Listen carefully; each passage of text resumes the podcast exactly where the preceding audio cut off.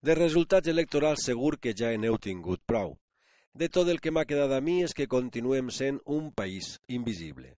Així es va demostrar en els dos grans debats televisius, en altres Media i en la televisió espanyola, entre els Casado, Sánchez, Iglesias i Rivera, i en el de A entre Puig, Bonich, Cantó, Oltra i Dalmau.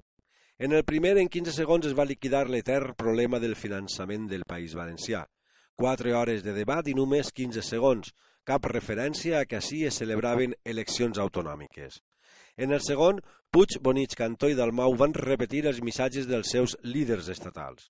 Oltra en va tindre de més autòctons, però és que Compromís ha perdut part de les seues senyes d'identitat i bona part de la gent el veu ja com un partit apèndix del PSOE. L'estratègia li ha eixit bé a Puig, molt malament a Oltra, que li tocarà reflexió. I la invisibilitat del País Valencià es va tornar encara més evident la nit electoral, Primer cal comptar les paperetes del Congrés espanyol, després les del Senat i per últim acords valencianes. Passades les 12 i quart de la nit ens n'anàvem a dormir sense saber els resultats definitius.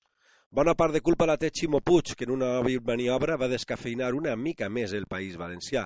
Electoralment molt profitosa, però la nostra identitat desastrosa, una vegada més. Caldrà seriosament anar buscant alternatives més valencianes, que no vulguin tindre els millors polítics d'Espanya com Joan Baldoví i sí les millors solucions per al futur dels valencians. D'alternatives hi ha, només cal buscar una miqueta.